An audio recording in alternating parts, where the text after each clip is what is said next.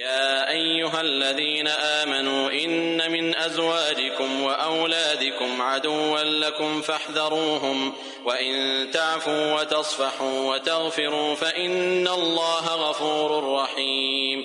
قال الله تعالى يا أيها الذين آمنوا إن من أزواجكم ولم يقل إن أزواجكم وأولادكم فمن الأزواج والأولاد من هو عدو ومنهم من هو ولي صالح يعين أبويه على الخير ويكفهم عن الشر.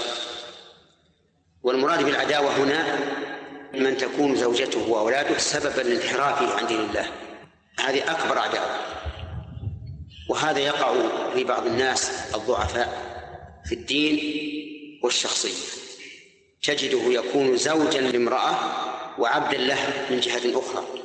يفعل ما تريد. وكذلك بالنسبة لأولاده. وقد تكون العداوة عداوة دنيوية. تكون الزوجة هذه سليطة اللسان تبتز ماله وتؤذيه وتنكد عليه وكذلك الأولاد. وقول فاحذروهم يعني خذوا حذركم باليقظة والمراقبة ودقة النظر حتى لا يضروكم لأن الغالب أن العدو يكون ضارا لعدوه إلا إذا احترز منه وراقبه. ولكن الحمد لله أن الآية لم يقل له فيها إن أزواجكم وأولادكم. قال من؟ ومن للتبعيض والبعض قد يكون الأكثر وقد يكون الأقل.